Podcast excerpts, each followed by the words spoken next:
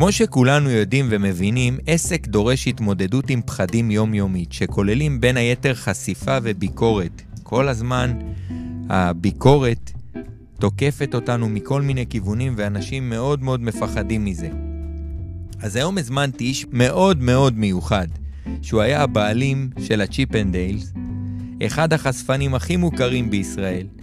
היום הוא אחד מבוני ההרצאות, באמת, לדעתי הוא מספר אחד בישראל. הוא הולך לתת לנו המון השראה, ואנחנו נדבר על חשיפה, על ביקורת, איך מתחזקים יותר למרות האתגרים בדרך, ואיך חשיפה היא דבר מהותי, ורוב האנשים שלא משווקים מפחדים ממנה. אבל לפני כן חמישה דברים שלא ידעתם עליו וכדאי שתכירו. אז הוא כתב ספר על המסע שלו בחיים. הוא היה אומן הבית של ה Camel Comedy Club כסטנדאפיסט. הוא היה ליצן רפואי. הוא מפחד מג'וקים מעופפים. והוא חולה על גפילטה פיש. אז בואו נקבל בתוכנית, כמו שאנחנו יודעים, בהרבה אהבה, את טל ליפשין, מיילד מרצים ומנטור להופעה מול קהל, שזה אומר, מלווה וכותב הרצאות למרצים בדרך לחשוף את הסיפור שלהם. חבר שאני מאוד מעריך אותו באופן אישי. אז הנה, אנחנו נפתח את המיקרופון לטל, אפשר לקבל אותו בלבבות, בשיתופים. טל, בוקר טוב. עובד, עובד, בוקר טוב. ליאור הקירב הגדול, היקר, איזה כיף להיות פה היום, איזה כיף להיות איתכם, מתרגש תמיד, מה יהיה, איך יהיה, מה נגיד, מה תכננו, מה ייכנס, מה נפלוט, מה לא נפלוט. מה נפלוט, אה? אה? נו, אתה מבין. מטורף, אין מה לעשות. עובד, עובד.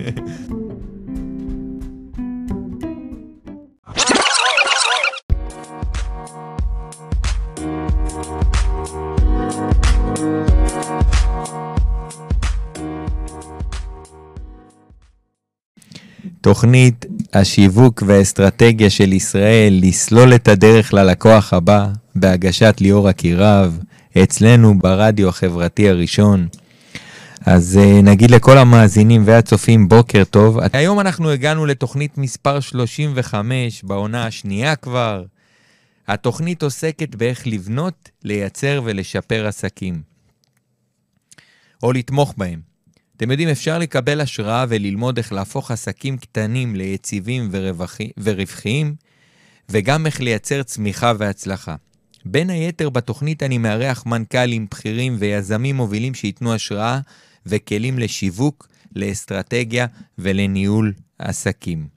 אז מה, תן לנו קצת למאזינים קצת רקע עליך, על העשייה שלך, אתה יודע, ואם תוכל קצת, אולי דייק, לא דייקתי משהו, אתה יודע, אולי תוכל לדייק לנו קצת יותר. איך אומר, הדיוק הוא האויב של העשייה. אה, גיל 19, איך הכל התחיל? מבחינתי גיל 19, אני חשפן, עושה תורנות מטבח, יום קיץ חם, לוהט, באופן שרירותי אני מחליט להוריד חולצה, ונשאר בגופייה צבאית. חכה עם הסיפור, לא, אל תספר לא, איך התחיל, לא, לא, איך זה אה, התחיל. אה. כאילו, ומפה זה מתחבר, שקצת, כי זה הנקודת פתיחה, זה הצומת של הימינה ושמאלה, של הסלקציה. סלקציה, לא מילה טובה. אה, ומפקד המטבח ניגש אליי, אומר לי ככה, מביט בי, ואומר לי, תקשיב, חייל, אתה מתאים לך להיות חשפן. במשך, ומשם, במשך 22 שנים, אני הייתי חשפן ובעלים של Chippendales ואלפי ערבי נשים ומסיבות רווקות ועוד כל מיני מקומות שתמיד היה משהו אחד דומה לכולם, וזה ההופעה. תמיד זה היה הופעה מול קהל, גם פרגונים, אבל גם המון ביקורת, ואז אני מסיים את הקריירה הזאת אחרי 22 שנה. והולך לאיבוד, לא יודע מה לעשות עם החיים שלי, כביכול לא רכשתי כלים, אין לי לימודים, אין לי בגרות, אין לי תואר. הלכתי ללמוד NLP, ושם אני מגלה שהמון המון המון כלים שכביכול קיבלתי באוניברסיטה של הרחוב, של החיים, של ההופעה מול קהל, אני יכול דרך זה לעזור לאנשים. אני פוגש פתאום המון אנשים שיש להם פחד קהל. עכשיו, אני מגיל 19 מופיע מול קהל. יש לי הכי הרבה ניסיון בארץ בהופעה מול קהל, אני חושב, באמת. תשמע, אתה יודע, גם להיכנס, להיכנס להופיע מול קהל, אתה יודע, במה שאתה עשית, אני לא מתאר לעצמי, תכף ניכנס לעומק, mm. ננסה להבין מה הייתה החוויה בכלל של להיכנס. שמעתי את ההרצאה שלך לפני איזה שבוע, מאוד מאוד התרגשתי מההרצאה, ואני מכיר אותך הרבה שנים, אבל לא נכנסנו לעומקים של, mm. ה, של השיחה. אתה יודע, בהרצאה תמיד אתה מספר פרטים שלא כן. סיפרת אותם ביום-יום. אז נורא התרגשתי לשמוע את הסיפור שלך ולשמוע את הרגעים האלה, הרגעים הראשונים שאתה נכנס פעם ראשונה. תכף נחפור בזה, אנחנו נתעמק בזה.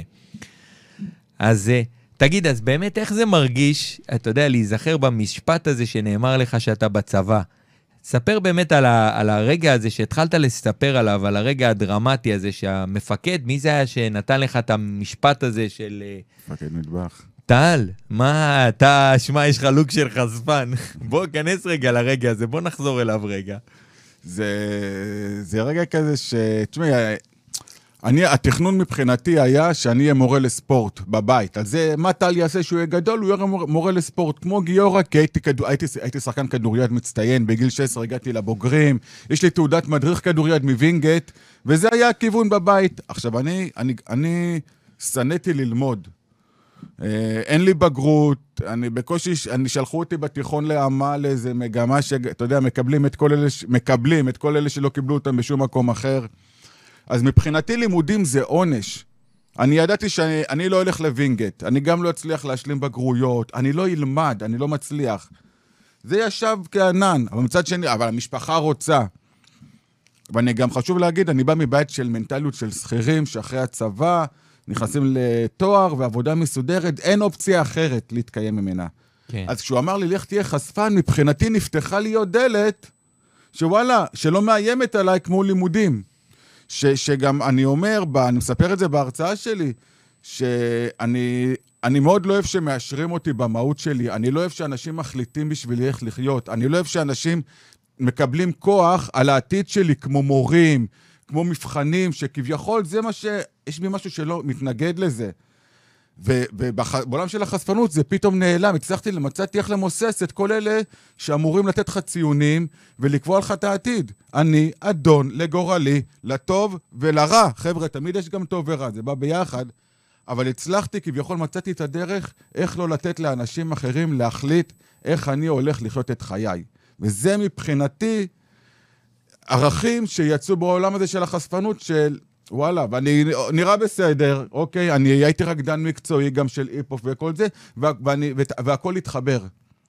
הבנתי. יפה. רגע, רגע, אני צריך לדחות פה. נכון שבן אדם אומר על עצמו שהוא נראה בסדר, כולם עכשיו מחפשים, כן. אה, גם כן, עף על עצמו, נו. לא, חוץ מזה, אנחנו בקטע של לעוף על עצמנו, למה אנחנו פה באיזה... שם פס, אין, לא אנחנו פה, תחשוף מה שאתה רוצה, לא שים פס על כולם, אתה יודע. הפסקנו לאלה שמחפשים. אתה יודע, כנראה אנחנו לא סתם אה, התחברנו, אני ואתה כחברים, אתה יודע, אני כילד, גם כן נורא בבית ספר וזה, לא האמינו בי, הייתי ילד בלאגניסט, טרוריסט, התחלתי, אני הפסקתי להאמין בעצמי. התחלתי לעשות, אתה יודע, אפרופו נגיד כילד, כשהיה מבחן, אז לא הייתי לומד למבחן בשביל לא להיכשל, כאילו לא להגיד שנכשלתי, אז לא הייתי לומד, ואז הולך למבחן, מוציא ציון אה, לא טוב, אתה יודע, ואז אומר, אני לא נכשלתי, אני לא למדתי, אתה מבין? זה מזכיר לי את הזה, וזה, אני אומר, הרבה שנים ככה הייתי במקום הזה של הפחד מלעשות, mm. כאילו, הפחד הזה שניהל אותי. אז, אז בשלב מסוים איבדתי את האמון בממסד, נורא, נורא התנגדתי, הייתי, נזרקתי מסגרות, אתה יודע, לא, כאילו, לא סיימתי בגרות, בטח לא סיימתי בגרות בתיכון.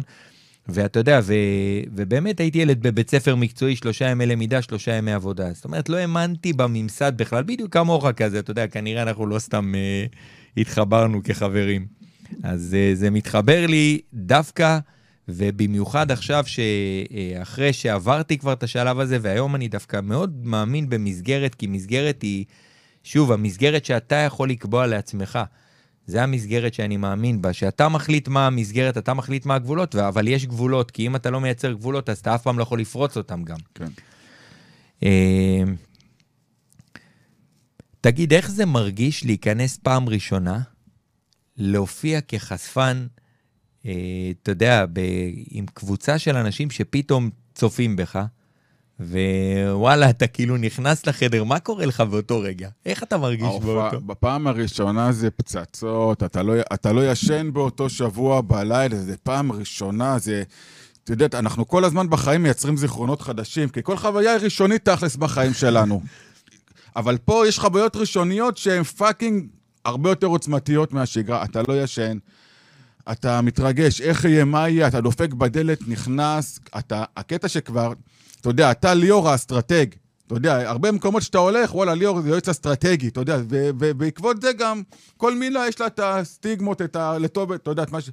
אני תמיד הייתי טל ליפשין, הייתי טל הכדורידן אולי, ופתאום טל החשפן, וחשפן, עם כל הכבוד, זה מצד אחד מעורר תחושות מסוימות, ואני זוכר שאני נכנס, אני עובר בין הבנות, וכבר לא מסתכלים, אני ככה, אני מתיק בפאסון, ערב טוב בנות, נעים מאוד, אני טל החשפן, כן, עובד, יענו, והלב שלך, יענו, מה זה הולך פה, אבל אתה רואה את המבטים, שפתאום כבר שופטים אותך, סורקים אותך, אתה מאה אחוז נשפט, הרי שאתה גם מוסיף את התואר חשפן, אתה יודע, אנשים תמיד יחפשו אותך, מי שרשום והיא דוגמנית, אה, היא לא כזאת יפה. אנשים, כן. אנחנו אוהבים לחפש. אוהבים להסתכל מהצד, להעביר ביקורת, אני, אחי. אני קורא לזה, אני קורא לזה, אתה יודע, תמיד מדברים, אה, אני קורא לזה, אתה יודע, תמיד ילד שכואב לו, הוא ישרוט את המכונית, הוא לא ישרוט מזדה, הוא חייב לשרוט את המרצדס, משהו שכואב לו. לא סתם, שמתי לב, הם לא שורטים את המכוניות הפחות. כן. עובד, עובד. אבל עדיין שופטים אותך וסורקים אותך, ואיך אתה רוקד, ואיך אתה נראה, וזה גם קשור למיניות. ואתה, ו, ובאופן טבעי, נקרא לזה ככה, נשים קצת, אתה יודע, גבר שאמור לה עכשיו לרקוד, וקצת יוצא רתיעה, שלא ייגע, לא יודעים, אין גבולות גזרה, לא ישבנו וישבנו. אז זה המון המון, לפעמים גם מעורר, ואתה, ופתאום זה בבת אחת, בום, ב-400 קמ"ש, כל הדברים האלה. ואתה, ו, וברגע שאתה כביכול קולטים עליך, הרי כשאתה גם כביכול הישרדות או זה, אתה גם הרבה יותר תוקפן, הרבה יותר כל דבר. כן, מישהו נוגע בך, פתאום אתה, בדיוק, כאילו, אתה נותן לו מכת קר. וברגע ששולטים, קולטים שאתה קצת מאבד שליטה, קצת נותן להם את הכוח, איבדת את הקהל, איבדת את השליטה, ואיך תצא מזה עכשיו, אז כל זה בבת אחת. וזה, וזה, אתה אדרנלין על 400 קמ"ש, ו, וזה מה שאתה חווה בפעם הראשונה, ואני, והקטע גם כש... וגיליתי גם כשאתה עושה הרצאה פעם ראשונה, אותן תחושות, עובד, עובד. בדיוק באתי לספר לך, אתה אין יודע, הבדל. זה מזכיר לי, אני הרי באתי, אה, נולדתי בנתניה, אחרי זה גדלתי באשקלון, ואז יום אחד הגעתי ללמוד באוניברסיטת תל אביב, עשיתי את המאסטר בפיזיקה, את התואר הראשון בפיזיקה באוניברסיטת תל אביב. ואני זוכר שבשלב מסוים התחלתי ללמד, אה, ללמד, אה, אה, לתרגל רופאים, או לתרגל במכינה, לא זוכר מה זה היה באותה פעם ראשונה שתרגלתי, אבל תרגלתי איזה מסלול לימודים מאוד יוקרתי, ואז אני נכנס לכיתה, אני עם שיער ארוך, היה לי שיער עד, כמעט עד הישבן, ואני זוכר, אני נכנס לכיתה, הגעתי שעה לפני הזמן, אחי, אני עם פרקינסון, ככה. ככה, שתי הידיים שלי רועדות, ואני עומד לדבר מולם, אמרתי, מה אני אעשה? אז הגעתי, הייתי שיעור ראשון, אמרתי, אני ארשום את הדברים לפני זה, ואז אני אשב כמו סטודנט. אתה יודע, אני אתכנס, לא ידעתי מה לעשות, אתה יודע. זה מפחיד ברמות מפחיד מטורפות. ברמות, מפחיד ברמות, מפחיד ברמות, שאף אחד לא יגיד שלא. אז תגיד, איך אתה חוזר, למי אתה מספר, כשאתה חוזר הביתה נגיד, אתה מסיים את ההופעה הראשונה, אה, עם אה, מי אתה מדבר ראשון? להופעה הראשונה, הייתה לי חברה באותה תקופה, קראו לה ענבל, שעד היום אנחנו בקשר, הייתי בחתונה שלה בזמנו, אתה יודע, ובחורה מדהימה. אני זוכר עד היום, הייתה גרה בלוד, ואומרים, בלוד? מה יש לך חברה מלוד? הייתי בצבא, הייתי אומר, חבר'ה, הבחורה פיזיקה, מתמטיקה, מחשבים, חמש יחידות. בחרה בי ועוד חשפן. אז יש כבוד. לא, לא לזלזל. אבל, אני, אבל בעיקר זה חברים מהצבא. אתה יודע, להורים לא סיפרתי, אני בא מבית של... לא של דברים כאלה, אתה יודע, אנשים חושבים שאתה חשפן, אתה בא כבר כ... כ היה לך חיתול חוטיני, אתה יודע, בית של uh, סקס, סמים ורוק אנד רול, חושבים שאבא שלי הולך בבית, אמא שלו שמה לו טיפים. הקשר, אני עד היום אני רואה את ההורים, אתה יודע, חשבו שאני בא מבית כזה של, אתה יודע, ג'וינטים, ילד למשרד רווחה. אין קשר, אני, אני עד היום רואה את ההורים, עם אמא שלי, אני רואה טלוויזיה, ואני נשבע לך, אני רואה מישהו מתנשקים, אחי, אני, אני פתאום נהיה לחוץ, לא, תעבירו. שלא תראה אותי. לא, לא, לא, פדיחות וזה, תגיד, אתה ממוצא אשכנזי, לא? פולני, אשכנזי, רומני, מזרח אירופה, בית טל, בית לובג'יץ', בפולניה, עובד עובד. יואו, איזה מטורף, אתה יודע מה אני... מכבי לודג', מכבי לודג' לנצח, כן. אני מנסה לחשוב על הסיטואציה שאתה חוזר, עזוב בחבר'ה, בצבא זה בטוח היה אטרקציה כן, מטורפת. בבית לא ידעו, אני גם הלכתי בהתחלה הופעה, לפני שעשיתי הופעה ראשונה ראשונה, הלכתי לראות מה זה חשפן, הרי אתה לא יודע. אז איפה ראית? שני דברים, הלכתי, נסעתי לבורסה. כל יום שבת היה בבורסה ערב נשים עם החשפן ארמנדו, ארמנדו זה היה חשפן, אתה יודע... ו- ואני זוכר שאני מגיע לשם בלילה, ילד בן 19, הרמתי טלפון לפני זה, אם אפשר לבוא. ופעם אתה נכנס לבורסה, שזה היה מעוז הצד הכי אפל של תל אביב. עוד לא היה, קודם היה חשפן ואחרי זה חשפניות. ואיך שאני נכנס, החשפניות קלטו אותי, חשבו שאני לקוח. אז ישר הוא נכ... עובר, אמר, תקשיבו, אני, באתי- אתה יודע, באתי להיות חשפן. עכשיו, יש משהו באותם רגעים, אתה יודע, זה כמו שהוא, סל- סליחה על ההשוואה, אבל שני, שניים שהיו בצנחנים, שניים, ש... פתאום יש איזה חיבור, כן, אחוות לוחמים. עובד, עובד, כן, אחוות החפצה. ו... ו- ונוצר חיבור כזה, אתה יודע שאתה... מס- כי, כי, רק, כי רק מי שהיו שם, הם יודעים איזה מסע אתה הולך לעבור גם, שאף אחד אחר לא יעבור. של, של הביקורת, ועד כמה באמת לכסף קל יש מחיר, מן הסתם, אתה יודע. אם- אין כסף קל, אין אין ארוחות חינם, קל, אין דבר כזה. ו- ו- ונוצר איזו אחווה של כבוד, וואלה, אתה, אתה משלנו.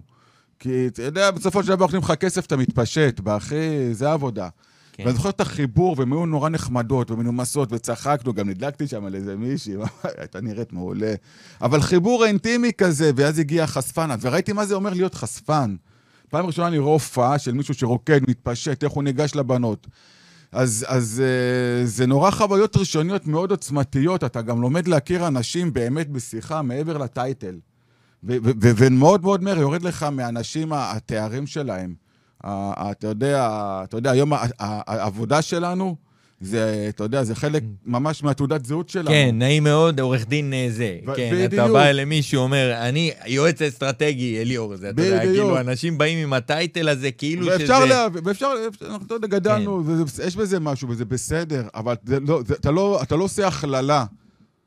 אתה יודע, היום אני לדוגמה, מישהו שיש לו איזה מקצוע, אני יודע שהוא בסך הכל, אז נגיד בזה, יותר מבין ממני, אבל זה לא אומר שום דבר על ערכים וזהות ו- ו- ובית כן, וקשיים. וזה לא אומר, נכון, נכון, נכון, אתה לא יודע, אומר אתה כלום. מבין שהוא בסוף בן אדם.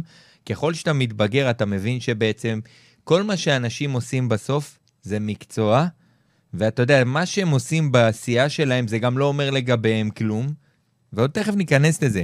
כן. תגיד רגע, אותי מעניין, אתה היית בכל כך הרבה מקצועות, כמו ליצנות רפואית, סטנדאפיסט. להיות סטנדאפיסט זה הדבר הכי חשוף שיכול להיות, אתה יודע, לצאת. משם אתה יוצא מושפל ברמות שזה מבאס. אה, חשפן, מרצה, אתה יודע, כל המקצועות האלה שדורשות ממך, מה שנקרא, לא פעם להתעמת עם מציאות קשה של הסביבה, ביקורת, חשיפה. אה, מה יש בדבר הזה של לפרוץ את אזור הנוחות, ו- ואני מניח שלקבל ביקורת מהסביבה כל פעם מחדש, שאתה בעשייה אני- הזאת. אני אגיד... מה יש לך עם העניין של לקבל ביקורת, כאילו, כי אתה מחפש את זה? לא, אני לא מחפש את זה, ממש. לא, בת- ב- לפי זה, המקצועות. זה בא ביחד, אה, אבל אני לא מחפש את הביקורת, אבל זה חלק מהמשחק. זה מה שאני חושב שדומה לכל המקצועות האלה, שאין תעודה. אין מישהו שבאמת, נגיד, כמו שאני רוצה להיות מורה. יש את המדינה החליטה אם אתה יכול או להיות או לא להיות. אתה רוצה להיות רופא, המדינה קבעה, אתה לא יכול, קבעו סף מסוים. כל המקצועות האלה זה כביכול ביטלתי. קודם כל, אני מרגיש שאני טוב בזה, יש לי חוש, זה לא בשביל להוכיח כן. משהו. זה לא בשביל להוכיח דווקא, ממש לא, כי באמת... דבר אה, למיקרופון. הגעתי- הגעתי. להיות אומן בית בקאמל, כן? אז זה אומר שיש לך את זה, לא כן. רק הרבה חובבים. זה אומר שזה בסדר. אה, אבל- הקאמל היה לקוח שלי, כמובן, רועי לוי. ו- כן, דיברנו על זה, יצא לנו, זה החיבור. גם חלק. ו- וזה כל המקצועות האלה ש- שמה שיכול להוביל אותך זה 100 אחוז אתה. זה 100 אחוז, אין לך למי...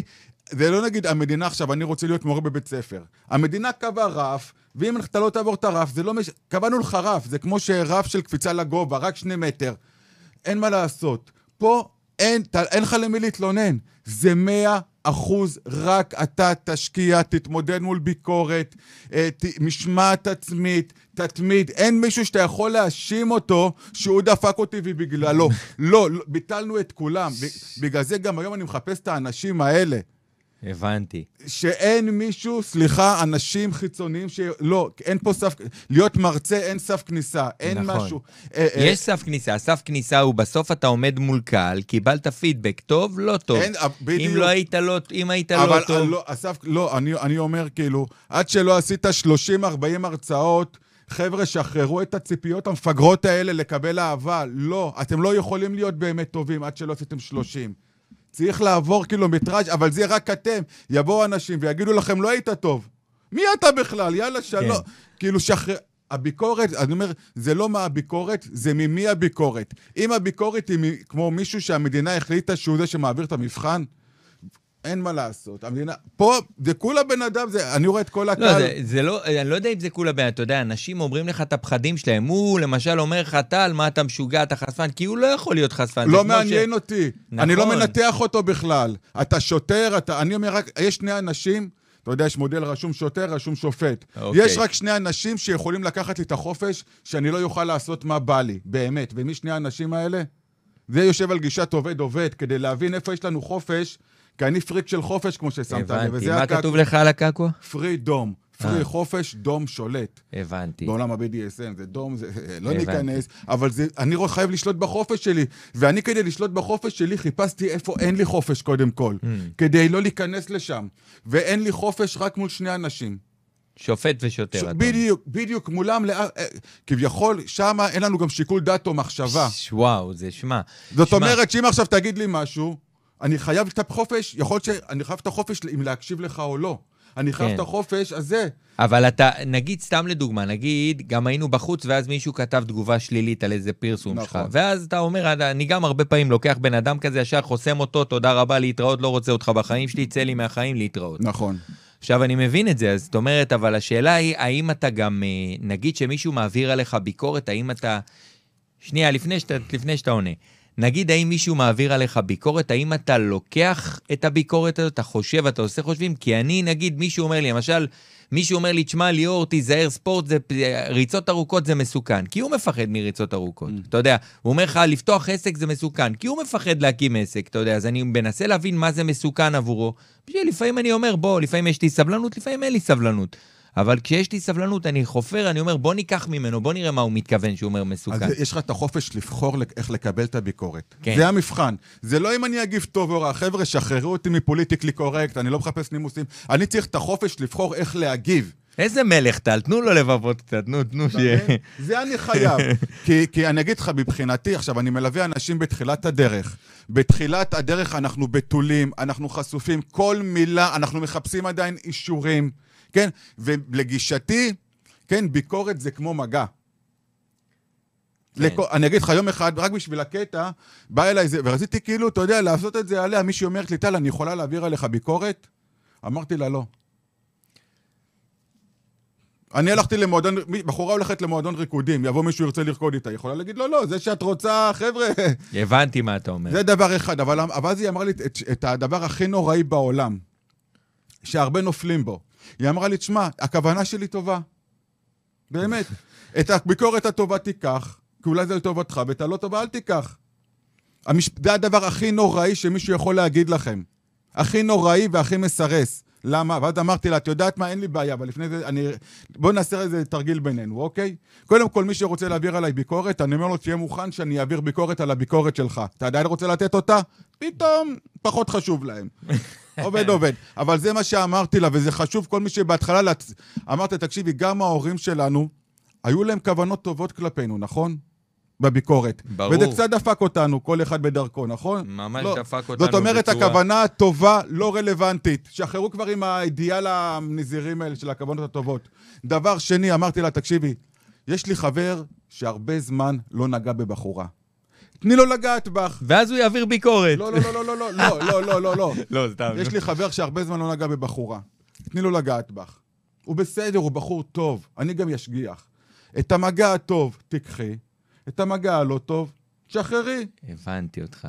אה, לא, חבר'ה, יש לנו מערכת פיזיולוגית במוח. שחררו את כל הפילוסופיה. ומה שלא נעים, היא כאב מנצח ידע, לא נוכל לשחרר. זה לא עובד באמת, שחררו את כל המפגרים. סליחה, מה, המילה מפגרים? לא, שחררו- חופשי, תגיד, לא, אנחנו... מול אלה תראה, ש... אנחנו מבינים פה את השיחה, כמובן לא מפגרים, כי אנחנו לא פוגעים כן. באנשים פה, אבל אתה אבל- יודע, אנחנו אבל- אומרים... זה, סיר, זה מותר להגיד את זה, אתה אומר דברים מהבטן, אתה אומר דברים מהלב, אתה מבין? זה דברים שהם זה נכונים. אנשים שלא, שיהרסו לכם את הקריירה. אי אפשר, פיזיולוגית, זה כמו שאני אגיד לך, אתה עכשיו בכושר של קילומטר, אחי, תאמין שאתה יכול לרוץ מרתון. זה רלוונטי האמונה פה? לא עוזרת עוד- אמונה. למה? כי זה מערכת פיזיולוגית של תאים שאפשר כביכול נכון. לראות. רגשות זה אותו דבר בסופו של דבר. ואם ת... לכולנו יש חורים בהגנה, ובן אדם, באיזה זכות, יעשה משהו שלא נעים לי, אה, סליחה, ועוד משהו נוראי, אפשר? חופשי. ותקשיבו, זה אחד הדברים הכי נוראיים, זה להפוך לאישה מוכה בתת מודע של עולם ההתפתחות האישית. מה הכוונה? יש מין קטע כזה שאם מישהו אומר לך משהו וזה לא נעים לך, כנראה זה שיעור, נכון? תיקון. תראה איפה זה פוגש אותך, נכון? נכון. זאת אומרת שאם עכשיו אני אגע בך, ותשימו לב איך אני לוקח הכל מעולם של מגע, שממנו באתי, כי אני בא מעולם של מגע. לי שילמו לגעת. אז אני יודע עד כמה מגע זה דבר קדוש, כמו שנהג מרוצים, מודע לסכנות בכביש, אז יותר ביטחונות. אותו דבר.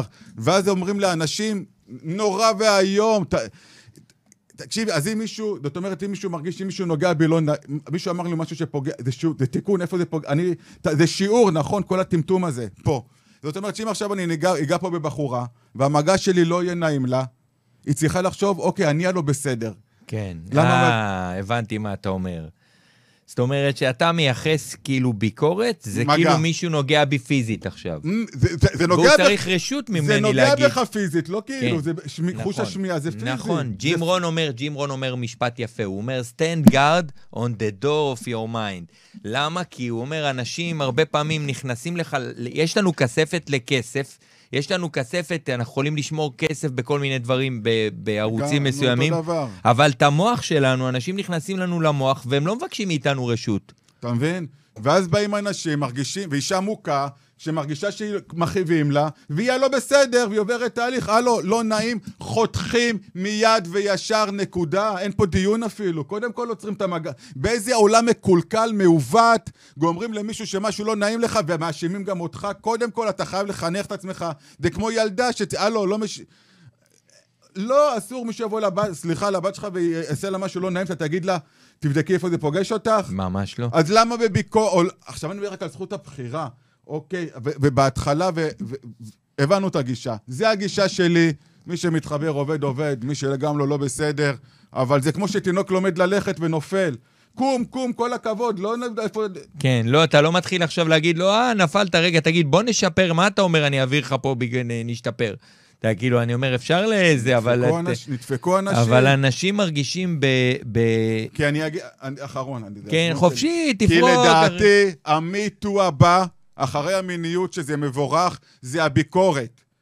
הביקורת זה המיטו, זה מגע ללא הסכמה. אני לתפיסתי... וואו, כן? איזה חזק זה. חבר'ה, לת... הביקורת זה מגע ללא הסכמה. אני רושם את זה רגע פה. ביקורת, כן, כן, תמשיך, אני תמשיך. אני אמשיך, אני, אני, אני על זה. תהיה על הטראנס. עובד, עובד. אה, לגישתי, הרי אם בחורה עכשיו הולכת עם מחשוף, נכון? זאת אומרת, יש אנשים שמבחינתם זה, זה הזמנה להטרדה. כן. הלו, הלכתי עם מחשוף, כפרה, מה ציפית? ובסיפור שלהם, מחשוף שווה וזה בסדר. ברור לנו שלא, נכון? אני, הדעות שלי זה המחשוף שלי. זה לא נותן לאף אחד לגיטימציה. בס... עכשיו, אנשים, ברור שאנשים חושבים, אבל אני מאוד, אני, אני מאוד מאוד מרחיק אותם, אני מוריד להם את הכל. זה עצם זה שאמרתי, זה לא נותן, לא נותן שום זכות ושום דבר. לא פתחתי דיון, אל תיתנו לי ביקורת. זה כמו ביקורת, הד, הדעות שלכם זה המחשוף שלכם, וזה, גם, וזה לא רק הדעות, גם רובנו עצמאים, זה החנות שלנו, ובאיזה זכות אנשים יעשו, אני לא מחנך אותם. כן. אני מחנך אותי, נכון, כמו, אבל, כמו אבל אתה חז... אבל אתה, תשמע, טל, אנחנו כבר אנשים יחסית חזקים, אתה יודע, עדיין לפעמים אנחנו נפגעים, ואתה יכול להתכנס נכון, בתוכך, ואתה נכון, יכול אבל... למצוא את עצמך. אז השאלה אם לא תיפגע, אתה תיפגע, השאלה כמה זמן החמצת פנדל, יאללה, מהר תיבט את הפנדל הבא. זה המבחן, לא... לא נכון, לא לעלות, על ה, לעלות על הזה, אתה יודע, זה כן, מזכיר לי שיום אחד הבן שלי פעם היה לו אופני שיווי משקל. וירדנו את הר, אני גר ברמת גן, אז הוא ירד איזה הר, את הר אברהם שם. והוא ירד במהירות, ואז הוא חטף, הוא החליק על הרצפה, חטף מכה עם האופניים, אופני שיווי משקל, הוא היה בן שלוש או משהו, חטף, מה זה מכה חזקה? ועף. Mm. אמרתי לו, קום, קום, אומצ'י, קום, קום? קום, תעלה. למה?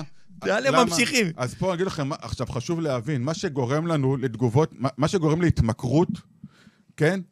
נגיד בחורה שיש לה אכילה רגשית והיא אוכלת עוגה. למה ההתמכרות? לא למתוק. לרגש. תמיד זה הרגש. נו. היא, היא מכורה למהירות שבה המתוק מרגיע את המוח. אה. אנחנו מכורים... הדופמין הזה.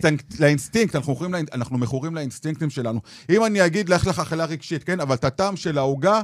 המנחמת תרגיש שהיא עוד חצי שעה. היא תאכל את העוגה? לא. זאת אומרת שזה לא הטעם, זה, המהירות. זה אינסטנט, התרבות של המהירות, אתה אומר. זה, זה פיזיולוגי. גם כן. טראומה חייבת לקרות בסיטואציות מהירות, לא איטיות. זאת אומרת שאם אנחנו, כל העולם של, תראה על מה זה יושב, אנחנו דופקים אותו עוד יותר. כי המהירות גורמת להתמכרות. המהירות שבה אני לוקח סיגריה, והמהירות שבה זה מרגיע לי את המוח, לא הסיגריה. נכון. ובגלל זה אנחנו אמרת לו מהר מהר קום קום קום, שלא יתמכר לתגובה הלא נכונה. כן, לא- אתה יודע, אתה יודע, כי אני אומר, אני למדתי בחיים שאם אני עכשיו שוקע בנפילה, עכשיו, יש רגעים שאתה על הרצפה, ואתה חוטף עכשיו, אה, אתה יודע, אגרופים אה, תוך כדי שאתה שוכב על הרצפה, והכל בסדר, אתה אומר, בסדר, אני עכשיו שוכב על הרצפה, אבל כשאתה רואה שאתה מסתכל עם הניסיון חיים שלך, אתה אומר, אוקיי, תשמע, בסדר, הוא חטף מכה, ברור שזה כואב לו, זה ברור שזה לא נעים לו, אבל אם עכשיו אני אתן לו, הוא לא יעלה לאופניים עוד הפעם, אז הוא יפסיד דברים הרבה יותר גדולים אם הוא לא יעשה את ה... לא, לא יתמודד עם ה... בגלל הדבר. זה אני, כשאני נותן להם להופיע מול קהל, ואני דורש מהלקוחות שלי שיעשו כמה שמהר, חמש, חמש הרצאות. לא, בש... א' כל, כדי שיתרגלו לנפילות ולקום מהר ולעוד הרצאה. לא שעכשיו למכור בבית ציוני, וכולם "אה, בית ציוני אמריקאי, לא יגיעו לזה רובם בחיים, למה? כי הם לא מבינים את התהליך שצריך להגיע, והם מחויבים כביכול לעשות חמש הרצאות, כדי, לא בשביל, בשביל להבין את הנפילות, את הביקור, להת- להת- להתגבר מהר על ביקורת, זה האימון פה, ולא ביקורת, אה, ביקורת אמיתית, להתגבר עליה מהר. זה, זה השיעור, נטו. תגיד, בוא נתעמק קצת ב... מה זה הפחד הזה מחש... מחשיפה, ובאמת איך, איך חשיפה קשורה לביקורת ב... ב... בבפנוכו שלו, של הדברים. מבחינתי חשיפה שווה ביקורת, זה הקוד. כמו MC בריבוע, הנוסחה הזאתי, חשיפה שווה ביקורת. זה אותו דבר מבחינתי. נוסיף את זה. זה אותו MC בריבוע שווה מה שזה שווה. חשיפה זה שווה. תמיד יהיה. ביקורת. תמיד, זה, זה, זה קוד, זה לנצח יהיה ביקורת. אז מזה אי... אז- ובגלל שזה קוד, ומה שזה קוד זה חוק, חוקים אי אפשר לשנות. זאת אומרת, רק לח... לק... לקבל כלים איך להתמודד עם הקוד, עם הקוד. וזהו. עכשיו, אנחנו חיים, חבר'ה, במדינת דאעש. אנשים פה רעים. מישהו חייב להגיד, יש פה המון רוע. אנשים מחפשים להרוס לך... למה? ובגלל זה אני אומר שאתה חייב, יש כאלה שאומרים, זה לא קושי, זה אתגר. ובזה לא, הם זה קושי. ובזה הם דופקים לעצמם את הקריירה. כי ללבנון לא מכניסים ג'ובניקים. ללבנון צריך להתכונן כמו ללבנון, אין מה לעשות. ולהופעה מול קהל ולביקורת צריך להתאמן מול שיבואו אנשים מאוד רעים, באמת, ובאותו רגע יהיה חשוב להם כביכול לדפוק לעצמך, לך את החיים, ואתה חייב ליצור, אם ככה, כלים מול... אין מה לעשות, ולא יעזור מדיטציה ולא נעליים. אסון. ומה הייתה השאלה? שכחתי כבר. אה, לא משנה, ענית, אתה יודע, זה דיברת על הנושא הזה שבעצם חשיפה שווה ביקורת. עכשיו, אני אומר ככה, אני בניתי משולש. משולש ההופעה מול קהל. שבצד אחד רשום, בכל הופעה מול קהל, יש בצד אחד מה אומרים. נכון, צריך עכשיו, זה ה storytelling. כי התוכן. התוכן, מה אנחנו אומרים יבש, כמו פלט, אין רגש. בצלע השנייה רשום איך אומרים את זה. כמו שעכשיו, מה אני עושה, מה אני אומר, איך אני אומר את זה. איך אני אומר את זה? ב-high energy הוא אומר את זה. זאת אומרת, האיך הוא חשוב. נכון. בלמטה... האיך הוא איזה 80 אחוז מה- מהדברים. לדעתי ה-80 אחוז זה הדבר הבא. לא, זה, זה, למטה אני רושם להם כיתת יורים. אוקיי. יש אנשים, ואלה עכשיו הורסים לכם את הקריירה. הביקורת, השיפוטיות, זה לא כמו כולם, אתה לא מחדש לי, למה... הביקורת וזה... כי מי שאין לו פחד קהל, לא חשוב מה הוא אומר. מי שיש לו פחד קהל, גם לא חשוב מה הוא אומר. ותשימו לב, אבל מה שדומה בין כולם, בין כל החשפנים שזה הפך להיות מקצוע, זה מול ביקורת. זה הניצחון. לא מה אמרנו ולא איך אמרנו. זה לא דומה. הכושר שלנו לעמוד מול ביקורת, זה מה שדומה לכולם. ופה אני בונה איתם את רוב העבודה בסוף על זה, ואז יש עוד משהו שהוא המלך. בתוך המשולש יש את הלב שלכם. והכיתת יורים, הם לא יפגעו רק בכם, יש לכם ילדים. ואם אין לך קריירה טובה, אתה לא אבא טוב, ואל תבלבל את המוח. ואם אין לך, ואם אתה לא מגשים, ואם אתה עצמאי ולא, אתה גם לא בן זוג טוב, אתה מוציא את זה בבית, אתה מוציא מול זאת ההורים. אומרת, אם כל פה- החצים יכניסו לך אותם עמוק בתוך לא, הלב, אתה אומר. בתוך המשפחה, בתוך אוקיי. הילדים. ואם אתה מוכן לזה, תשלם את המחיר. אין מה לעשות, זה המחיר שלך ולא שלי. הבנתי. זאת אומרת, אני, אני מכניס לשם, זאת אומרת שאם מישהו אומר שאתה לא טוב, תהיה גם מוכן ביקורת שהוא יגיד ביקורת על הבן שלך שהוא לא טוב, כי זה מה שהוא עושה באמת. לזה כן. אתה מוכן? בסדר, שלך, יש כאלה, שמוכ... יש כאלה שחיים את זה ביום-יום, שלהם, לא שלי. אבל כל מי שמוריד אותך, מוריד את האוכל שיש לך להביא לשולחן, מוריד את הדימוי העצמי שלך, לא ילדים שלך, כי זה מגיע לשם. אני לא מוכן, אחרי מה שעברתי, שמי... פעם מישהי אמרה לי, אה, אה, כל... אני, אני כאילו, נתנה לי, עליי ביקורת. מה שעבר לי בראש, עליי תעבירי ביקורת. אל תעיזי להעביר ביקורת על הבן של ההורים שלי. אוקיי. הבנתי זה אני אותך. לא, אני לא מוכן שאף אחד יעביר ביקורת על הבן של ההורים זה שלי. חזק, אהבתי. אתה יודע, זה- זה נקודה, זה תמיד מזכיר לי שאני חליתי בסרטן, אתה יודע, אז אני הייתי בבית חולים, כאילו אני צוחק בבית חולים, ואימא שלי סובלת בבית. אני תמיד אומר, מה שעושים להורים, זה תמיד, אתה יודע, כשפוגעים במישהו, לא פוגעים בו, פוגעים בהורים שלו. פוגעים בסביבה שלו. ברור. אתה יודע, אז אני אומר, הנקודה הזאת של, אה, של אה, ביקורת ולהיות חסין לביקורת ולדעת מתי אתה לוקח מזה משהו ומתי אתה לא לוקח מזה כלום. חשוב להבין, קל להגיד, אנחנו, ב- אנחנו ביישום, לא בתובנות בודה. כן. בתובנות בודה, שתמרו לבודה שאין לו עבודה, ויש לו מטוס פרטי מהמדינה, ואין לו משכנתה ואין לו ילדים, והוא מגיל שלוש מושלם. אנחנו לא בודה.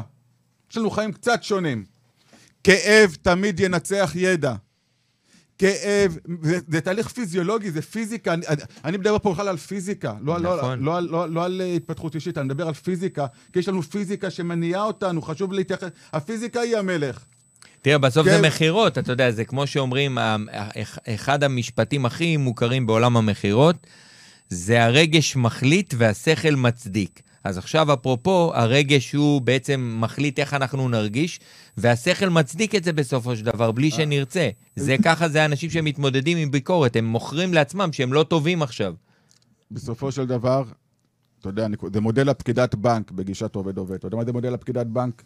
הרבה אנשים מאמינים בעצמם, שזה השקר הכי גדול. קודם כל, למה? כי זה חינם להאמין בעצמך.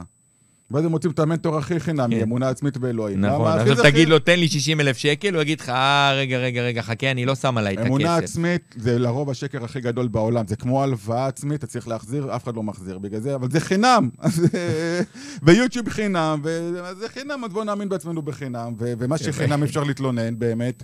אבל זה כמו מודל הפקידת בנק. אני עכשיו, נגיד, יש לי מינוס. בבנק. תמשיך, תמשיך, אחי. אני עכשיו הולך לפקידה, היא אומרת לה, יש לך מינוס. אני אומר, תקשיבי, אני מאמין שאני יכול לשל... לה- להחזיר את המינוס. היא אומרת, אבל אתה צריך לשלם את המינוס היום. אני אומר, תקשיבי, אני מאמין שאני יכול לשלם. שלם. לא, אבל אני מאמין, אני יכול. הלו, תביא את הכסף. תרד, לא. תרד למציאות, חביבי. אבל אני, וככה זה הרוב. אני מאמין שאני יכול. אני אגיד, אם אתה מאמין, שים עליך את כל הז'יטונים, אחי. בדיוק, אתה חייב לא להאמין שאתה יכול, כי התפתחות נוצרת מהתנגדות. אתה לא צריך להאמין, אתה חייב, זה כמו, אומר, אומרים הרי, למי יש את הסיכוי הכי גבוה לשכוח את הילדים באוטו? לאלה שמאמינים שלי זה לא יקרה. הם הכי מסוכנים. Mm. הם מרדימים חוש מאוד מאוד חשוב. לא, תאמין שזה יכול לקרות לך, תאמין שאתה לא יכול להצליח, תאמין שיש יותר טובים, תאמין שזה קשה. ואז ככה עושים את זה נכון, אבל, אבל זה לא נעים, וזה לא תובנות בודה. חבר'ה, אהבה לא משנה את העולם, אה- אהבת חינם זה הנזק הכי גדול בעולם, מישהו צריך להגיד את זה סוף סוף, כי זה, זה אופיום להמונים. המציאות מראה שזה לא עובד, אני הפקידת בנק, אני פשוט רואה את המציאות. לא עובד, צריך לעמוד מול ביקורת. תראו את... עכשיו, נו די, הבנו. אתה יודע, אה, בדיוק לפני זה דיברתי עם לקוח, ואז אחד הדברים שאני עושה, אפרופו, אני אומר לבן אדם, בוא, בוא נסתכל רגע מה יקרה. עכשיו, אני, נגיד אנחנו מגייסים עובדים. הנה, עם לקוח שלי, עכשיו אנחנו מגייסים עובדים. אז דיברתי איתו, ואז אני אומר לו, בוא ניקח רגע את המקרה קצה. ניקח את המקרה הכי גרוע. נניח וגייסנו את העובד הזה עכשיו, וזה לא הצליח, והיה קורונה, והכל עכשיו קרס, ועכשיו אנחנו צריכים לטפל במקרה הזה. מה יקרה לנו אז? הוא אומר לי, "אה, יש לי כסף בחשבון בנק, הכל בסדר, נסגור את הפינה, נשלם לו מה שמגיע לו, נשחרר אותו. אז אמרתי לו, זה המקרה הכי גרוע. הכי גרוע. כי יש לנו פה את כל האפשר, יש לנו את כל המשאבים, יש לנו את היכולת לשכפל, ובואו ניקח את המקרה הטוב ביותר. ואם המקרה הוא טוב, זאת אומרת, לקחנו את העובד הזה ועשינו עליו פי חמש או פי שש או פי שבע ממה ששילמנו לו. אז השיחה היא אחרת כבר. אז הסיכוי מול סיכון, אתה יודע, ואז אני אומר, כשאתה משקיע בעצמך, אתה כל הזמן צריך לבדוק את הסיכוי מול סיכון. אני, אני אומר ככה, וחשוב להבין, אני מדבר, אני מדבר על פיזיקה. כל השיחה, אני, השיטת עובד עובד זה פיזיקה, זה פיזיקה. הנה, אתה יושב עם פיזיקאי. זה, בדיוק. כשתינוק נולד, מה עושים דבר ראשון? ביטוח, חיסונים, נכון? קודם כל, שהוא בסדר, נכון? כשקונים אוטו, מה עושים דבר ראשון? ביטוח. לפני זה, זאת אומרת, הביטוח קודם כל. זאת, עכשיו, ברגע שיש ביטוח טוב, יאללה, סע, אתה שוכח מהביטוח. רוב האנשים מצפים שהביטוח ימנע תאונות. אז הם עדיין לא מוכנים. הם מצפים להיות כל כך טובים שלא תהיה ביקורת. אז הם עדיין משפרים את הביטוח בשביל לנהוג. לא, לא עושים ביטוח בשביל אוטו. כאילו, לא קונים אוטו בשביל הביטוח. קונים אוטו... עושים ביטוח... בשביל השקט. כן. עובד, עובד, וזה מה שאנשים, הם עדיין מצפים ש... אז, אז הם עדיין אף פעם לא מוכנים, כי תמיד יהיה ביקורת, הם מצפים שהביטוח ימנע תאונות. חבר'ה, זה לא עובד. כאילו, המציאות מראה את זה, ו- ואין מה לעשות. אז טל, מה אתה מציע כן. למי שעכשיו, נגיד, אה, מתמודד עם אה, פחד? מה... אני אומר... מה, מה עושים? איך, איך, הדבר, איך, איך מתמודדים אני, עם אני, חשיפה, אני, עם... אני, זה שני, אני כן. מתחלק לשניים. שוב, כללית, שיחות כלליות. אחד, לחובבנים, מי שבאמת עדיין לך תוריד מדריך חינמי, ויש כבר הכל קיים, הכל התובנות, אני, גם אני לא יעזור, אפילו אל תקשיבו, זה לא יעבוד. אני, מי שחובבן... תקשיב, אין בעיה, אתה יודע, זה כמו תוכנית אה, רדיו. זה עוד, הנה, כי זה חינם, אז עוד נכון. בחינם. שים לב, חינם כן. זה, זה כמו אמונה, הנה, הכל חינם שם. חינם זה המכה הכי גדולה שיכולה להיות בחיים. קהילת ה-95 אחוז, הם עדיין... אה, אין מה לעשות. אותם. אז, אז למי שרוצה להיות מקצוען, או לקחת איש מקצוע, לשלם לו, שאתה יכול גם להתלונן עליו, על זה שלא עשית את העבודה, על זה אתה משלם, שיקרו דברים יותר מהר, וגם זה ששילמו לו, רוצה, זה העבודה שלו, להביא אותך לשם. קח איש מקצוע, תשלם, אם לא הצלחת עד עכשיו במשך שלוש חודשים לבד להתגבר על זה, אתה כבר לא תצליח, שכח מזה. סטטיסטיקות מראות, נו, עזוב, לא, אתה כבר לא תצליח. קח איש מקצוע, תשלם לו. מה שאני מאחל לכל מי שרוצה להיות מקצוען, שיקיף את עצמו במקצוענים. עובד עובד, הכי פשוט. תראו את כל המקצוענים במה הם מוקפים. במקצוענים. אז אולי נכון. זה מה נכון. שצריך לעשות. או, אבל אם עדיין במידה וזה, תדמיין, נגיד יש לך אה, פחד קהל, נכון? אתה חייב פחד, כדי להתגבר על פחד צריך להשוות אותו לפחד גדול יותר. כי כרגע הרפור מול עצמי הוא כאב, אז אין, זה, אין מה לחשוב על משהו טוב. תפחד שאחד הילדים שלך ימות. עכשיו הולך למות. מ-1 עד 10, כמה זה? 100. 10. והפחד קהל כמה עכשיו, אם הוא היה 10? 2, 0. כן, זהו, נכון. אתה חייב פרופו להכניס... נכון, זה דן אריאלי אפרופו. אתה אומר, בוא נכניס פה את ה-AB, שנעוות את המוח. כי זה פיזיקה. זה תמיד, פיזיקה תמיד חייבת לעבור, חוקי פיזיקה תמיד עובדים, נכון? לגמרי. אז בוא נכניס את זה על השינויים שלנו. עובד עובד, וזהו. עובד עובד, אין מה לעשות. מה זה עובד עובד, מי שלא מכיר? עובד עובד אה, זה גישה לחיים, שהפכה להיות שיטה להתפתחות אישית. כשאני למדתי NLP, הרבה אנשים אמרו לי, טל, NLP עובד? אמרתי, העיקר זה עובד על מישהו, הכי חשוב התוצאה, זה עובד עובד. ואסטרולוגיה עובד, מה זה חשוב בשיטה? העיקר זה יותר חשוב, זה עובד עובד, זה מה שעובד לך. אה, דיברנו על המעבר, אני בדרך כלל, השידור אצלי, תראו, זה עבודה, זה לא ככה, הכל כתוב, הכל מוכן, אני עובד על זה, אין פה, זה לא בא ככה בדקה, מי שחושב שאני עובד על זה דקה. אז אה, תגיד, איך חושפים את עצמך בשעת משבר? אתה מכיר את זה, את הסיפור של לס בראון, שהוא צועק, הוא בעצם מספר לאנשים, הוא עומד באיצטדיון ואומר לאנשים, If you've got a dream, אתה יודע, כאילו, הוא מתחיל לה, להגיד להם, תלכו על החלומות שלכם. והוא בכלל, בדיוק הוא התגרש מאשתו. הוא לא היה, הוא לא היה לו איפה לגור, הוא גר במשרד, הוא היה גר במשרד, עם שני ילדים, ו... ואני שואל את עצמי, באמת, ובזמן הזה, הוא היה במקסימום חשיפה. עכשיו, mm. הרבה מהסנדלרים, בשלבים מסוימים בחיים שלהם, הולכים יחפים, או mm. אפילו עם נעליים קרועות, mm. אוקיי? מה דעתך על זה? איך, אני, איך אני, מתמודדים אני, עם אני, חשיפה? אני, ענית על זה בהתחלה דווקא, מאוד לקחתי. אני אומר ככה, בגישה שלי, כל, כל מה שחוקי מותר. זה חוקי. הרי כשאני הולך, עכשיו, כואב, כואב לי הבטן של האכפת... אני פונה לאנשים, מה אכפת לקהל, מה קורה איתי באמת, באמת, הקהל אם אין לו אינטרס מולי גם שאני אמות מחר. אכפת לו? מה זה רלוונטי? זה מסע ארוך, עובד לך, תגיד מי קבע שזה לא בסדר? למה, מה זה באמת משנה החיים האישיים שלך למישהו? חושב שלמישהו באמת אכפת? למי אכפת? הקהל רוצה מה יוצא לי מזה. ואם אני עכשיו, דרך זה שאני כזה יכול לעזור לך, ואתה תשנה את החיים, אכפת לך, זה מה שחשוב לך. העצם זה שאנחנו מצפים לזה, די, שחררו את כל האמונות המקבילות, איך אמור להיות מה שאמור להיות. כל עוד החוק לא קבע תעשו, אם פייק איט, לא משנה, תעשו. תמצאו את הנוסחה, fake it until you make אני, it. אם אתה עכשיו יכול... make it, make it until you אם עכשיו יש מישהו. שיגיד לי איזה משהו שיפגוש אותי ויעזור לי בחיים, באמת אכפת לי אם הוא עושה את זה בשביל כסף, אמא שלו, אבא שלו? מה אכפת לי? תח, תחפשו מה יוצא לכם מזה, לא את הסיפור שלו. מה נהייתם פתאום פסיכולוגים, אתה יודע, קשר משפחתי, עושים לו ניתוח אופי? מה אתם מנתחים אותו בכלל? ב- איזה איזה טל, זה איזה מלך אתרי. מה זה רלוונטי? תראו איזה יופי שאפשר גם ככה, אז תעשו את זה, כי- כי הרוב ככה, אז תעשו גם ככה. נכון. מה זה אז משנה? עכשיו אה, אני אומר, תשמע, אם אתה עכשיו בנקודה קריטית. נהפוך הוא, אז אני אומר עוד יותר, אתה אומר. עכשיו, למה? נגיד עכשיו ואתה תהיה כן, בבעיה, אבל אמרת את זה יפה. שנגיד אתה תהיה בבעיה, אוקיי? בסוף מישהו יעזור לך, מישהו מאלה שמעבירים עליך ביקורת עכשיו, הוא יעזור לך באותו רגע? אם הוא יעזור לך באותו רגע, אתה יודע מה? אולי יש לו אפשרות להעביר עליך ביקורת. ואתה, זה הרפור שאתה צריך, שאפשר גם ככה לעמוד מול קהל ולדבר. וואלה, זה הפיצוח, תראו שגם ככה, מה ש... תראו את האמת. כן, הסיפור, הסיפור הוא בראש שלנו שאפשר. גם ככה להיות חשפן, ולהיות, והכל עובד עובד, ומי ששילם כסף, שילם על הופעה, תן את ההופעה, תשחררו. אנשים, טל הוא מנסה למכור לי, מה אתה מנתח אותו בכלל? אתה פסיכולוג? מה אכפת לך מה הוא מנסה? תחשוב מה יוצא לך מזה, כאילו, מה, אתה איתו. אתה אשתו? מה אכפת לך ממנו? מה אתה... מנסה למכור לי. המטופל זה כמו הממורמר. אלה שמוכרים קורסים, אתה יודע, אז מי שלא בעולם ההתפתחות האישית, אז הוא כל הזמן אומר, אה, מסתכל, אה, הם עושים את הכסף על הקורסים ואתה אתה לומד עכשיו מה וזה. אכפת לך מה יוצא להם? תגיד- אני עושה עושה תגיד זה שעשיתי. שני תארים בפיזיקה.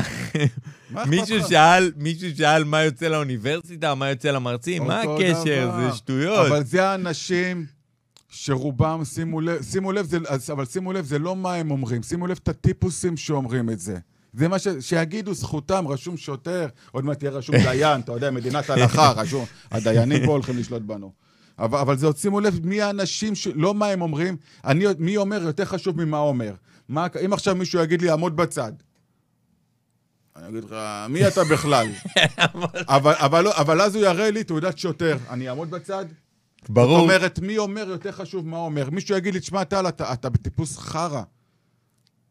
אני אגיד לו, אחי, כאילו, סע. אבל, אבל אם אבא שלי יגיד לי, אתה טיפוס חרא? זאת אומרת, שוב, זה לא מה אומרים. המי אומר יותר חשוב, וזאת ההוכחה. שימו לב מי אומר את הדברים האלה. זה אנשים מאוד ביקורת. שימו לב. כן. אנשים ביקורתיים, אתה אומר, אנשים שהם יותר- בעצם מוצאים את התסכול שלהם. זה כמו שנגיד אתה, כ- נגיד כנגיד אה, הורה שצועק על הילד שלו, הוא לא באמת צועק על הילד שלו. עכשיו היה לו יום חרא בעבודה, הילד שלו בא והוא תפס, זה לא משנה, הילד שלו, פתאום מישהו עכשיו עקף אותו ברמזור, הוא יוצא עליו בצעקות. אתה יודע, זה כאילו אה, מקום כזה שאתה פורק את הזעם שלך דרך. הבן אדם הוא בעצם הופך להיות אמצעי. זה שעומד מולך הופך להיות אמצעי. הילד שלך הופך להיות אמצעי לפריקת זעם. וזה מה שאנשים עושים כשהם מעבירים עלינו ביקורת. מעבירים על... אתה אני, יודע... מיש, אני לא מוכן שאנשים יעבירו ביקורת על, על הדרך שבה ההורים שלי גידלו אותי. זה, זה, זה מה שאני שומע. כאילו, אתם מעבירים ביקורת על ההורים שלי? נראה לכם בכלל, אהבתי כאילו... את הסיפור, איזה שינוי. נראה לכם שאני אהיה מוכן. לקבל שמישהו יעביר ביקורת על ההורים שלי, איך הם גידלו את הילד שלהם? רק אני יכול להעביר. לי- כי- כי- לי מותר, כן. מותר, איך אומרים? רק אני על אחותי יכול. עובד, עובד, ו- אבל ככה אני מתקדם יותר מהר, כי כל דבר כזה, זה אמר, כי- כי לכולנו יש חורים בהגנה. ו- ו- ו- ו- וכל מי ש... זה הגישה שלי ועם לקוחות שלי, ועובדה שזה עובד, עובד. הם יוצאים אנשים אחרים, כי הם מתחילים, כי הם מתחילים לשים גבולות. הם שמים גבולות לכל אנשי הדש האלה, הרעים, שחשוב להם חשוב נראה- להם להגיד. חשוב, לא מעניין אותי אם חשוב לך או כן. לא. אני, אני אשתך, מה אכפת לי מה חשוב לך בחיים? אני פגשתי אותך לפני, אחרי, יש לנו סיפור. כן. לא מע- מעניין אותי אפס מה חשוב לך בחיים. אפס. באמת, ברמת אפס חשוב לי מה חשוב לך בחיים. אם אין לנו סוג של... מערכת יחסים. אני, לא- אני, אני יכול להגיד לך שאני פעם, נגיד שלמדתי אימון, אחד הדברים שדיברו על זה, זה עניין של יחסי ציבור. כשאתה בא לשאול בן אדם שאלה אישית, אתה קודם כל שואל אם הוא מסכים לך בכלל להיכנס למרחב, ולשאול אותו אם זה מתאים לו, זה- האם זה מתאים לך שאני אעביר עליך ביקורת עכשיו, טל? ואם זה באמת מתאים לך, ואתה אומר לי, כן, דווקא בא לי לשמוע את הדעה שלך. אם אתה אומר לי שבא לך לשמוע את הדעה שלי, אז בשמחה אני אעביר לך את הביקורת. אבל אם אני לא שואל אותך, נכנס לך למרחב, אני- אהבתי את מה שכתבת, ביקורת זה מגע ללא הסכמה. במאה אחוז. זה מגע, זה כמו שאני עכשיו אבוא, אני אראה אה, בחורה שהולכת ברחוב, או בחור שהולך בזה. תיגע בילד שלך בלי כן, הסכמה. אתה תיגע בה עכשיו. תגיד, מחנך- בואי, נשמה, אני מעביר עלייך ביקורת, תני לי לבדוק, להעביר אתה- ואם ביקורת. אתה עושה את זה לבת שלך, אתה מחנך אותה, שהרבה אנשים ירצו, ייגעו בה בחיים לא נעים, ובתת מודע היא למדה שהיא פה צריכה לעבור שיעור. ואז היא ובשביל לעבור שיעור, נרצה גם שיעור לא שווה בלי מבחן. והיא תבחן את עצמה כל פעם איך היא במגע בלי הסכמה. ובתת מודע, את מי תאשים? צודק. תגיד, בוא נדבר קצת על אה, עוד כמה, אנחנו עוד איזה עשר דקות נסיים. אנחנו גם, הש, השידור הזה עולה אחר כך לפודקאסט, עוד 20 שנה, אני מאמין שישמעו את השידור הזה, טל, ואני כבר אומר לך שאני יוצא מפה עם אה, הרבה הרבה חשיבה אחרת על הדברים, ואני בטוח שכל מי שצופה פה ב... יצפה בזה גם אחר כך, גם. בפודקאסט או ביוטיוב, הוא יקבל מזה מלא מלא בדיוק, כי ערך. זה לא לאמן אנשים איך להופיע מול קהל. זה לה... החיים זה קהל. זה לקחת את זה, אתה יודע, הרבה אנשים שואלים, "טל, מה, בעסקי, מה המסר שלך? שזה מאוד, אתה יודע, לוקח אותנו גם לעולמות, זה כמו פתאום מתמטיקה בעולם של רגשות, זה... אני אומר, לא מה המסר שלך, לא מעניין אותי המסר שלך. מה האידיאולוגיית חיים שלך? Mm. מה האידיאולוגיה שלך? וזה המסר, אידיאולוגיה. נגיד אם המסר שלי זה לתת הופעה מול קהל, אתה יודע, המסר, או מה, האידיאולוגיה שלי זה לעמוד מול קהל, מול כל, אתה יודע, אני להיות חשוף. ו- ולדעת, ו- ולשים את עצמי כיפת ברזל רגשית, אתה יודע, אני לא אוהב את המילה אידיאולוגיה. עזוב מה המסר שלך, מה האידיאולוגיית חיים שלך, כי למוצרים אין רגשות, לאנשים נכון. יש. נכון מאוד. עובד, עובד. אה, בוא, בוא נדבר כמה דקות על, אה, על עסקים, על יאללה. עסקים קצת. כן. איך באמת אה, אפשר לחשוף את עצמך כבעל עסק? אם אתה מפחד להיחשף נגיד. אה, כי אתה, אתה יודע, אתה, אמרנו כמו שמישהו עובר כל מיני דברים, או שהוא לא מרגיש בנוח, הוא חסר ביטחון. אה, מה אתה מציע לעשות בקטעים האלה, ואחרי זה אני אגיד מה אני מציע. מה שאני מציע, אם, אם יש לך פחד, עכשיו זה טבעי שיש פחד. קודם כל, תשאל את החשבון בנק מה הוא חושב על הפחד שלך. אם לחשבון בנק אין רגשות, אז גם לך יש לי רגשות, אין מה לעשות. זה אימון, אבל אתה חייב להבין את זה. מגיע אל ה-15, ב-15 לחודש. אלה ה-15 לחודש, אתה אומר המע"מ. והקורבנות צריך לתת, אין מה לעשות. דבר שני, כנראה המנטורים שלך דופקים אותך, כנראה עמוד פייסבוק שלך דופק אותך, כנראה אתה מוקף באנ... אתה עכשיו, לדוג... אתה ברמה של שלוש יחידות. מתמטיקה, ואתה... אבל אתה מוקף באנשי חמש יחידות, ואתה כל הזמן מרגיש שאין לך מה לחדש.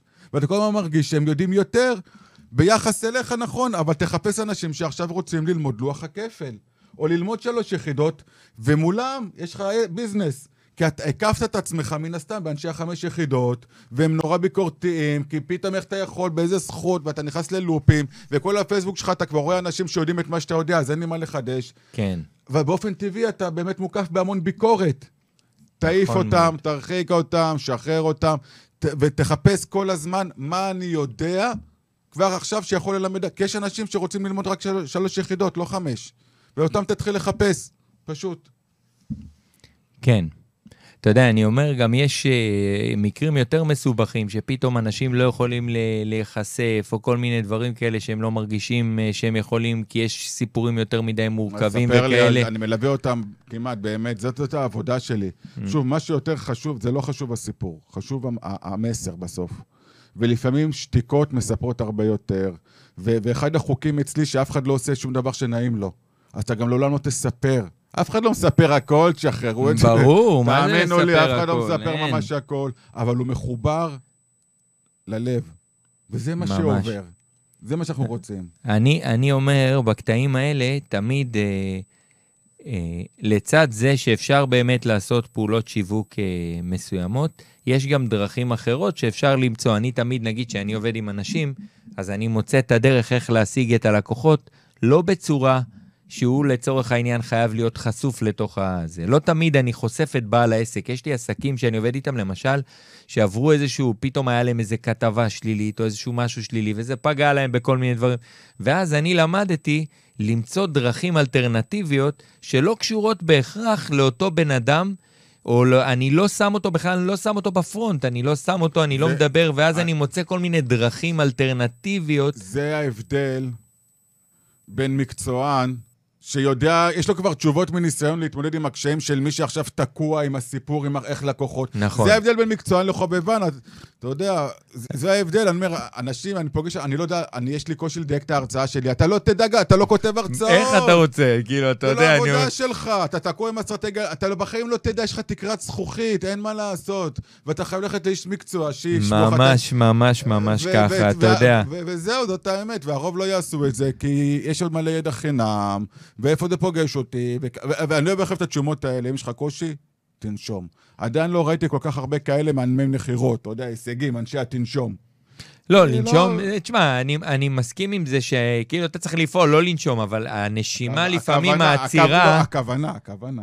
כן, הכוונה, הבנתי, הבנתי מה שאתה אומר. ברור, ברור, כל מה שאתה אומר זה מדויק, ואני אומר, עצור, לפעמים הנשימה הזאת היא לעצור רגע, בוא נעצור, תעשה הפסקה רגע של רבע זה שעה. בסדר. תחליף שיחה עכשיו, בוא נחליף את השיחה. במקום עכשיו לדבר על הילד, עכשיו בוא נדבר על הבן, במקום לדבר עליי, בוא נדבר על הבן של ההורים שלי סבבה, עכשיו. זה ברור. עכשיו אני עוצר עשר דקות, תן, תנשום עכשיו עשר דקות, לא, בוא לא. נתחיל מההתחלה. אני לא- אני מדבר אותם מקום זה כ- כ- כללי. כן. הנשימות שלך לא טובות.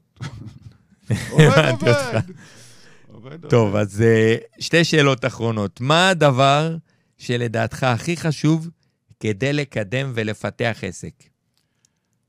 בתפיסה שלך, אנחנו פה בתפיסה בשיחה שלי- של, אתה יודע, בכל זאת זו תוכנית שעוסקת אני אומר בעסקים. כזה דבר, קודם כל מנטור, או איש- מישהו מ- מחיצוני, כי לבד... זה מספר אחד, אני חושב שזה הדבר הכ- הכי חשוב היום. מי שהולך לבד, הוא עושה את טעות חייו, כי זה עולה לו. פי עשר. אני תמיד אומר, אל תשאל מה זה עולה לך.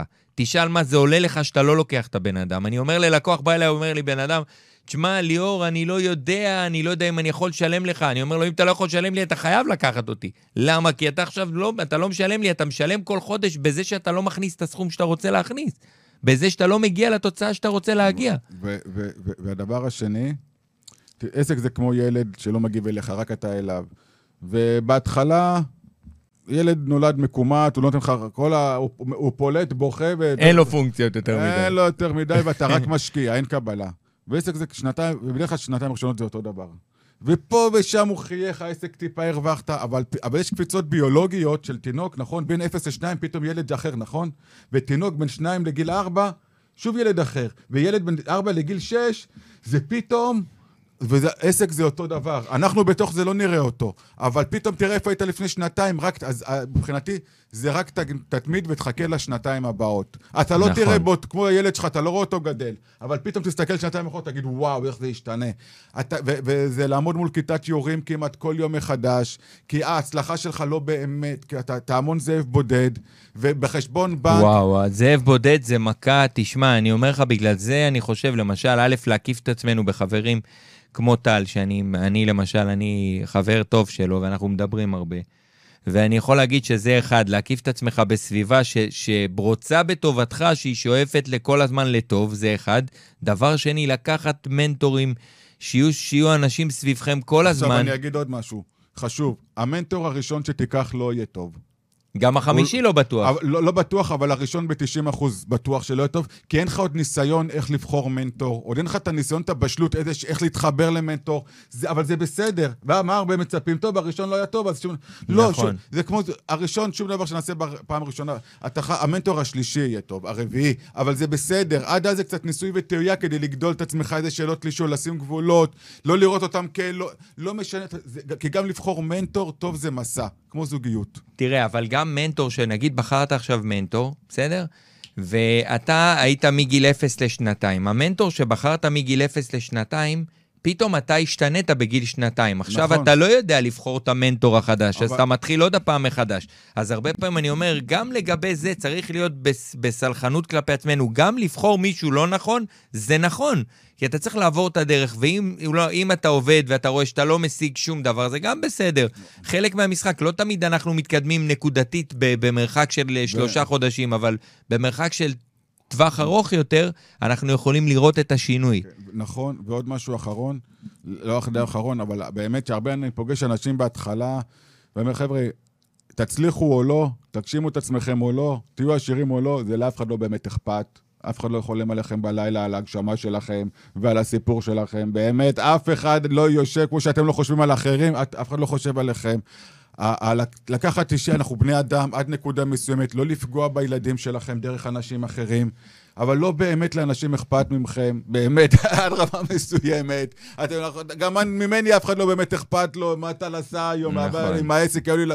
אף אחד לא ישב וחשב עליי, גם עליכם אף אחד לא יושב וחושב. היחידה שיושבת וחושבת עליכם כל חודש, בטוח עד סוף החיים, זה הפקידת חשבון בנק, שהיה לו חובות צריך לשלם, ביטוח לאומי, חשמל, תדאגו לה, היא באמת תרים לכם טלפון שלא יהיה לכם טוב, באחריות. אז תדאגו לזה, ו- וכל השאר פרופורציות. כן. שמע, נכון, בסוף, אה, אף, בסוף כשאנחנו נהיה בקושי אמיתי, עזוב. שתמיד בסוף אנשים, אנחנו מוצאים את האנשים שיעזרו ויעזרו. אני לא מדבר עכשיו מס ארוחה, אני מדבר כן, נטו כן, כסף, לא, חבר'ה, אבל אני. אומר, אתה צודק, נטו, לא, נכון, קר, נכון, קר, אני אומר, קר, אני- מאוד מתחבר למה שאתה אומר, במע"מ לא קשה, אני- קשה, זה שיחה קרה, פיזיקה. נכון. אני, אני, אני מדבר על פיזיקה, מה בטוח.